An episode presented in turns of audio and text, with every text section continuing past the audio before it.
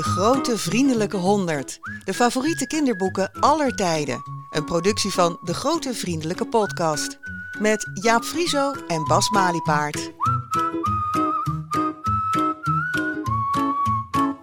Er kan nog steeds gestemd worden. Ja, zeker. Ja. maar, maar niet zo heel lang meer, hè?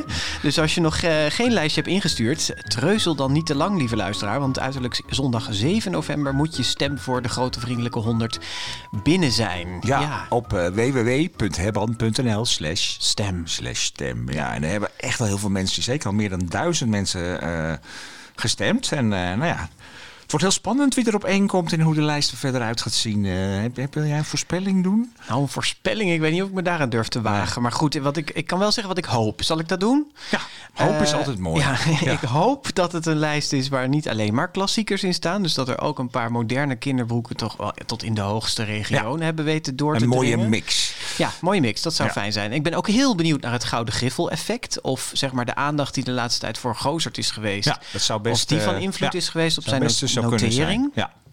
Eh, of dat hij er helemaal niet in staat, dat kan natuurlijk ook nog. Maar dat zou ik gek vinden. En ik hoop ook wel dat er poëzie en non-fictie in de lijst eh, terecht is gekomen. Want eh, we hebben heel veel lijstjes voorbij zien komen online.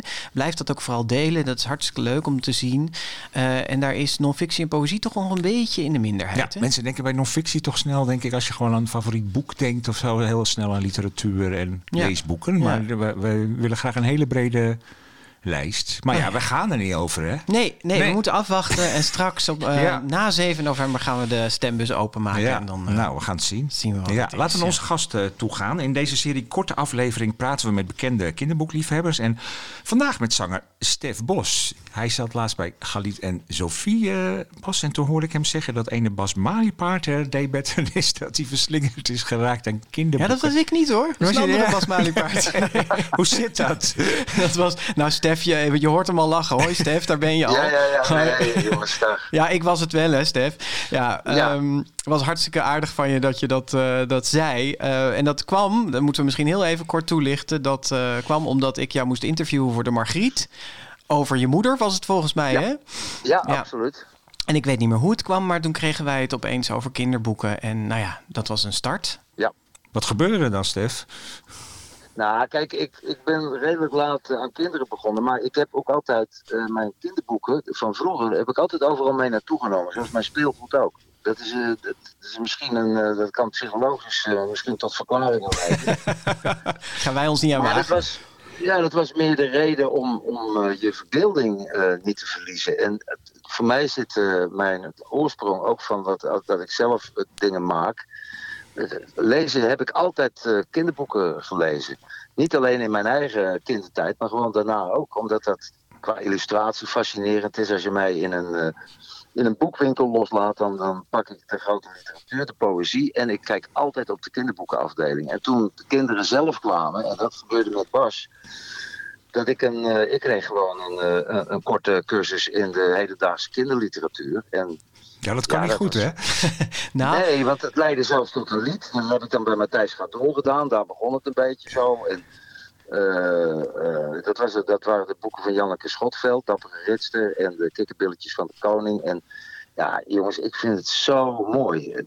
De, in, in het laatste anderhalf jaar in coronatijd eh, ben ik helemaal eh, overgeswitcht naar kinderliteratuur. Ik heb Dostoevsky, Tsjechov, Hannah Arendt en Friedrich Nietzsche even links laten liggen.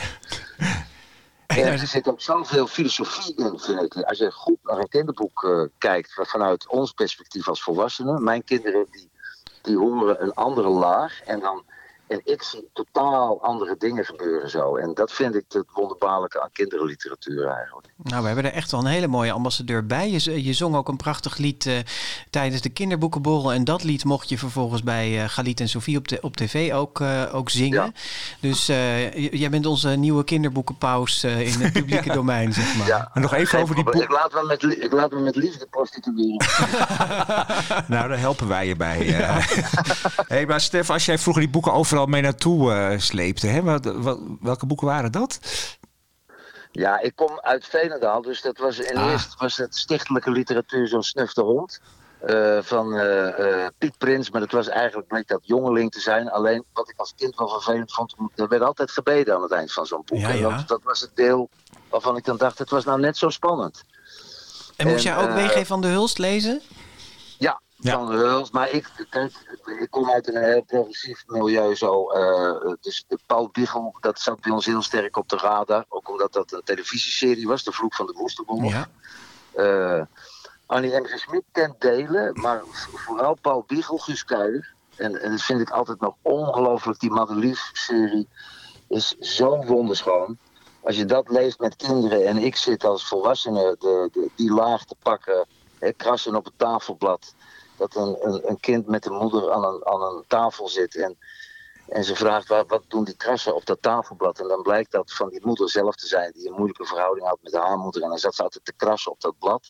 Dat zijn zulke, ja, ik vind dat uh, Tsjechov-achtige verhalen zo. eh, ik vind die heel. Indringende beelden, ja. Ja, hij heeft daarna trouwens nog een hele mooie serie over Polken geschreven. Dat- Ja, ik heb ze allemaal, eh, Ah. die zijn allemaal gepasseerd. Ik ja. denk, ik doe jou ook even een tip. Zoals, Jammer. Jammer, ja. Voor de tips moet hij mij Ja, hebben, blijkbaar. precies, Ja. ja.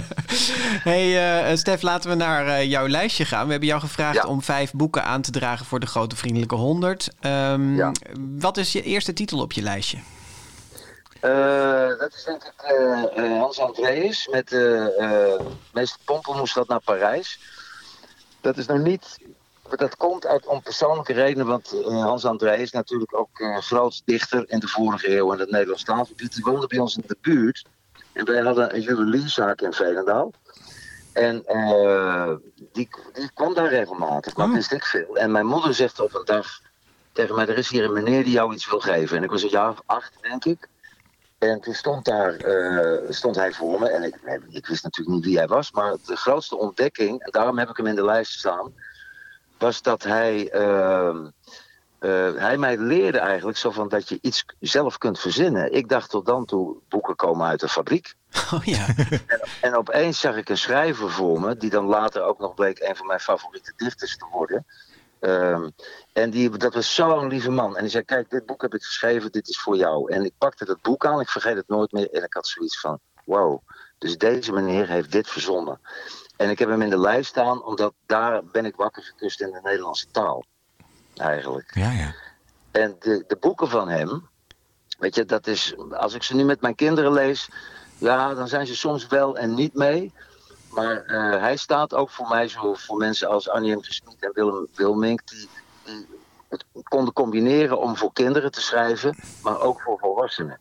En die daar eigenlijk nooit een grens in gezien hebben. En ik, ik, dat is voor mij, weet je, daarom ben ik ook zo op de barricade voor de kinderliteratuur. Ik denk, daar is geen grens. Weet je, je kunt als volwassene zo'n boek eh, tot je nemen en daar, eh, ja, ik word daar zeer veel rijker van. Want er is altijd hoop aan de horizon in een kinderboek. Het is nooit cynisch of sarcastisch. Of, eh, dat kan er wel in zitten. Dus ook hè, bij zit nu ook, met de winnaar. Daar zit een enorme werkelijkheidsgehalte in. Maar die verbeelding, dat is wat de mens redt hoor, aan het einde van de dag. ja. Mooi. Hé, maar eh, ehm, een prachtige eh, ontmoeting die je daar beschrijft met Hans Andreas. Het boek Ja. is verschenen in 1963 en in 2013, toen het 50-jarig eh, jubileum was van Meester Pompenmoes, is er een prachtige nieuwe uitgave gemaakt met uh, Pompenmoes verhalen met tekeningen van Charlotte de Maton. Ik twijfel Ja. even of daar ook Meester Pompenmoes gaat naar Parijs in is opgenomen. Dat zijn allemaal Ik heb het wel gelezen mij, toen, ja, ja, maar eh, dat weet ik even niet zeker. Maar deze staat in elk geval eh, op je lijst voor de Grote Vriendelijke 100. Eh, wat is je volgende boek? Nou, dan ga ik naar een tip van, van Bas. Dat is het verlangen van de prins, Marco Kunst. En ik moet eerlijk zeggen, dat heeft mij ongeveer van mijn sokkel geblazen. Omdat dat gaat over een, een schip wat door de tijd heen vaart. Zo noem ik het maar eventjes. Weet je. Het is een prachtig avonturenverhaal wat zich afspeelt tussen hier en Indonesië. En eigenlijk een, over een prins die alles had. En eh, tot de ontdekking kwam, eh, ze wilde, hè, zijn vader wilde dat hij nooit ongelukkig zou zijn. En op een dag wordt hij dat toch. En dan komt er een soort woede in hem los. Die eh, over de wereld heen jaagt. Een soort stille kracht van Couperus eigenlijk. Maar dan voor kinderen. En eh, om een beeld te pakken uit dat boek, wat ik zo mooi vond om te schetsen, wat het dan doet met mij of met mijn kinderen. Ik lees dat verhaal, mijn kinderen zitten ademloos te luisteren. Die pikken eigenlijk ook veel meer op van het verhaal dan ik. Van, want die weten precies wat er tien bladzijden daarvoor gebeurd is. Maar op een gegeven moment heeft hij het over grijze matrozen. Want dat schip is eigenlijk gevangen door angst. De angst voor de woede van de prins. En dan beschrijft hij op een gegeven moment eh, dat de matrozen van dat schip noemt hij grijze matrozen, want die verliezen steeds meer kleur. Omdat ze altijd bang, steeds banger worden om dat schip te verlaten. En ze kunnen niet zonder hun angst eigenlijk. En ik zit dat te lezen en ik denk, Stef, ben jij, hoe grijs ben jij eigenlijk? Ah. Weet je, want die, en die verliezen letterlijk hun kleur. En dat worden zo mensen die, ja, die, die Ja, dus dat angst zette jou vangen- echt aan het denken over jezelf. Ja, Ja. en, en, en dat boek zelf eh, was voor mij echt een ontdekking. Dat is, eh, dat is een heel goed voorbeeld van hoe hoog de kinderliteratuur kan eh, vliegen. En dat is door eh, Bos. Ja, nou daar zijn wij het helemaal mee eens. Want wij hebben dit boek getipt ook eh, Absoluut. ooit. En Ja. eh, ik zou trouwens bij jou niet denken aan grijs hoor, Stef. Nee, nee, nee, nee, maar het is altijd wel even goed om in de spiegel te Zeker, kijken. dat is absoluut. Ja. Ja. Hey, eh, je derde boek, eh Stef. Het derde boek blijf ik ook in de hedendaagse eh, eh, literatuur. Want het is wel belangrijk om dat een beetje op het podium te zetten. En dat was de dappere ritster van Janneke Schotveld. Daar begon eigenlijk mijn eh, missie zo toen ik dat las. En dat was in coronatijd. En dat, dat boek, dat zijn korte verhalen eigenlijk. En dat begint met de ontsnapte leeuw. En dus de dappere ritster is een meisje op een fiets. Dus een vrouwelijke ridder die eh, eh, eh, een heleboel situaties redt en mensen redt. En, en dat, dat, dat, dat begin, en ik kwam het tegen vorig jaar, toen mochten we eventjes spelen, denk ik, eh, was het in, zo einde september. En ik speelde in de verkaderfabriek in, ehm, in, in Den Bosch. En toen zag ik het ook liggen. En, eh en Bas had dat boek ge- genoemd en toen dacht ik van, ik moet het hebben, weet je. En toen heb ik het dezelfde voorstelling gebruikt in de voorstelling. Want dat begin was zo mooi. Het ging over een leeuw die altijd dezelfde rondjes loopt in een dierentuin. En op een gegeven moment zoiets op dag heeft, ik heb het helemaal gehad. En dan zegt tegen zijn vrouw, ik moet gewoon even weg. En zijn vrouw zegt zo van, ja, maar waarom nou? Weet je, hij zegt, ja, ik moet gewoon weg. En, en dan eh, zegt ze, nou, dan mag je even weg. Maar als je terugkomt, dan wil ik wel een kleintje. En toen dacht ik, ja, dat heb ik thuis ook en als je dat dan zo vertelt, bijvoorbeeld op een podium. Want ik heb het direct dezelfde avond eh, gebruikt. Ja, dat was gewoon. Ik, ik, ik heb Janneke Schotveld erna geschreven. Ik zeg, eh, dat was een schot in de roos voor een, voor een voorstelling voor volwassenen. En het gaat over opgesloten zijn. Nou, dat voelde ik me een beetje in die coronatijd, eh, zeker in, in, in dat, op dat moment nog. Een schotveld in de roos dus, ja. Eh, goed, Ja. nee, sorry, deze moest ik even... Dat gaat hij toch niet doen? dacht ik. Nee, dat, jij hoopte dat die grap Ja. eh, aan je voorbij zou Ja. gaan. Nee, goed. De volgende op je lijstje. De, er zijn er nog twee. We hebben je lijstje hier ook voor ons liggen. We vragen Ja. jou steeds de titels te noemen. Maar we weten eigenlijk al wat je gaat zeggen. En dat zijn Ja. twee klassiekers. Dan mag jij kiezen. Eh, Nou, doe eerst die maar uit je gereformeerde jeugd nog. eh. ja, ja. Snuf de hond. Nee, Nee, je wat op je- je lijstje staat. we hebben hier Reis door de Nacht van Anne de Vries nog staan... en De Ja. Kleine Prins van Antoine de Saint-Exupéry. Ja. Ja, eh, de reis door de nacht, dat is echt zo. Dat dacht ik van, dat is echt van mijn jeugd. Weet je, de, ehm, dat is natuurlijk. Wij zijn van een generatie, of ik ben van een generatie. De ouders hebben de oorlog meegemaakt. Dus de schaduw van de oorlog ging altijd een beetje over onze jeugd. Mijn moeder vertelde ook verhalen over de oorlog. eh, Voordat we gingen slapen, dan deed je geen oog meer dicht. Dus ik was zo gewend aan, eh, aan dat soort verhalen. Dat toen ik eh, Reis door de Nacht las. En dat, dan ben je toch al voorbij de twaalf, denk ik. Hè? Want dat is echt wel zoals Engeland vaart. Dat, is Ja, zeker. zo- dat zijn verschillende delen en het is een cliffhanger. Zoals Tolkien in de Boom van de Ring. Dat was een paar jaar later. En daar kun je niet in ophouden. En je zit dan als kind, dat ik weet nog dat ik eh, s'avonds, weet je, als ik eigenlijk al moest slapen met een zaklantaarn onder de deken, wilde weten hoe dat verder ging. Omdat dat voor, voor mijn generatie iets vertelde over die oorlog vanuit het perspectief van, van iemand die jong is. Ja. En eh, ik heb dat boek ook weer gekocht voor mijn kinderen. En dat lees ik, heb ik ook samen met ze gelezen. En dan kon ik het een beetje duiden. Want toen ontdekte ik wel van ja, dit is wel echt iets voor mijn Is, generatie. is het verouderd? Ja, dat wou ik inderdaad vragen. Want er is een, Eh. niet- nog niet zo lang geleden een feestelijke herdruk verschenen. Ja, zijn dochter heeft het een beetje bewerkt, zeg maar. Dus het is wel een beetje aan deze tijd aangepast qua woorden en taalgebruik. Maar niet heel erg, dus begrijp Niet ik heel, van het is jou. niet helemaal herzien, zeg maar. Nee. Ja, ik weet niet of het, of het gedateerd is. eh, eh, dat kan ik moeilijk bepalen natuurlijk. Omdat het voor mijn generatie is het een soort, soort boek wat, wat, wat wij, als- zeker als jongens, allemaal lazen. En, eh, en over praten. Maar ehm, bij mijn kinderen, dat moet, ik moet het wel een beetje duiden. Dat voel ik wel. Ja. Ja. Het is ook een soort stilisme. Als ik dat vergelijk met het verlangen van de prins of lampje van een net schaap. Weet je, bij lampje, toen ik dat aan hun voorlas, dacht ik in het begin. Gaat, gaat wel heel erg ver. Weet je, als, als dat kind geslagen wordt door de vuurtorenwachtervader en het bloed spat uit de oren. En toen vroeg ik aan mijn kinderen en ze zeiden, nee papa, dat hoort erbij, dat is het verhaal. Ja. Toen denk ik, ja, dan zit jij een beetje pedagogisch te denken, is dit wel, is dit, gaat dit niet te ver? Ja. En, eh, en dat, is, dat is wel interessant om te zien dat zij, eh, bijvoorbeeld bij zo'n reis door de nacht, missen ze een beetje de historische context. Ja, ja, ja, ja. En, eh, en dat heb je bijvoorbeeld bij zo'n lampje dan bijvoorbeeld weer helemaal niet. Dat is van een, van een misschien wat grotere eeuwigheidswaarde. Ja, ja, Ja. ja. Nou, ik vind het mooi dat deze klassieker er ook op staat. Want het, is wel, het boek is Mm. altijd in druk gebleven. Hè? Dus het is nu de 35e druk. Dus het is toch altijd wel bijzonder. Een boek uit eh, de jaren 50, wat nog steeds in druk is. Hey Bas, wat klapt het al even? Je, je, je laatste boek op de lijst, De Kleine Prins. Ja, Vertel. De Kleine Prins. De Kleine Prins is voor mij dat is een boek wat ik, wat ik dan in België, toen ik naar de toneelschool kwam. Ik denk dat eh, eh, de vader van Matthias Schoenaerts, Julien Schoenaerts, speelde toen ook een voorstelling. Met Matthias, was toen hè, dat is een bekende acteur, nu ook in Hollywood. Ja. Die, die, speelde, die speelde de Kleine Prins. Dat heb ik, die voorstelling heb ik gezien. Toen kwam dat boek weer terug helemaal. Het was overigens een voorstelling voor volwassenen. Eh, kwam dat, terug dat boek terug op mijn vizier. En sindsdien is het een soort, eh, ik vind het een filosofisch meesterwerk. Omdat het van een heel simpel verhaal uitgaat. En toen ik dat liedje moest schrijven voor de kinderboekenweek, dacht ik, die zin die moet er wel in. Weet je, l'essentiële est invisible, het, het wezenlijke is onzichtbaar.